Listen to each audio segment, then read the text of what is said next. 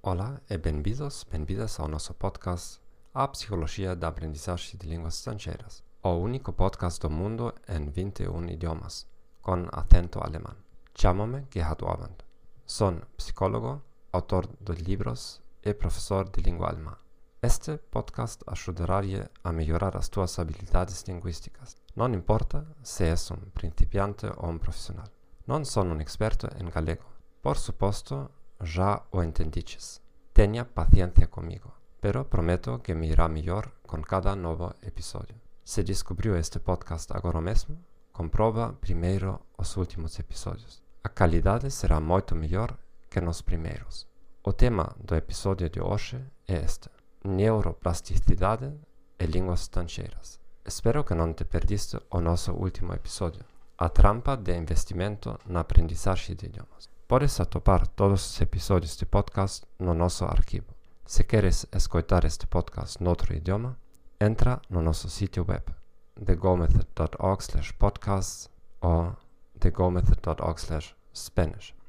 Queres melhorar o teu alemão? Simplesmente envia-me um correio eletrônico para que possa beneficiar-te de uma consulta gratuita. Estou seguro de que posso ajudar. Comecemos neuroplasticidade e línguas estrangeiras. Segundo Wikipedia, a neuroplasticidade, também conhecida como plasticidade cerebral ou plasticidade neural, é a capacidade do ser cerebro para cambiar continuamente ao longo da vida de um indivíduo. Por exemplo, a atividade cerebral associada a uma determinada função pode se transferir a um lugar diferente. A proporção de matéria gris pode cambiar e as sinapses podem fortalecer ou debilitar-se com o passo do tempo. As investigações realizadas na última metade do século XX demonstraram que muitos aspectos do cérebro podem se alterar ou são plásticos, incluso até a idade adulta. Não obstante, o cérebro em desenvolvimento apresenta um maior grau de plasticidade que o cérebro adulto. Este podcast é demasiado curto para discutir a investigação em detalhe. Não obstante, podemos discutir as implicações. Há duas categorias extremas de pessoas, de intelectuais. A primeira categoria dirá: a neuroplasticidade significa que podes converter-te em todo o que queiras. A segunda categoria dirá: o feito que o cérebro seja mais flexível na tua infância significa que não deves tentar aprender muitos idiomas quando já estás em idade adulta. A primeira categoria acusará a segunda de que estão roubando aos seres humanos a procura dos seus sonhos e potencialidades. A segunda categoria acusará a primeira de criar expectativas irreais e assim frustrar e deprimir as pessoas ao final.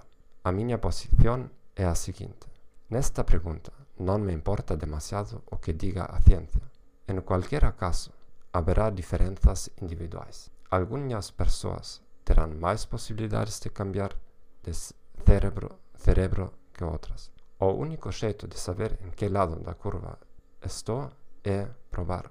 E ainda que algum científico me diga que o meu cérebro já é rígido, como sei que estou usando o meu cérebro atual ao máximo potencial?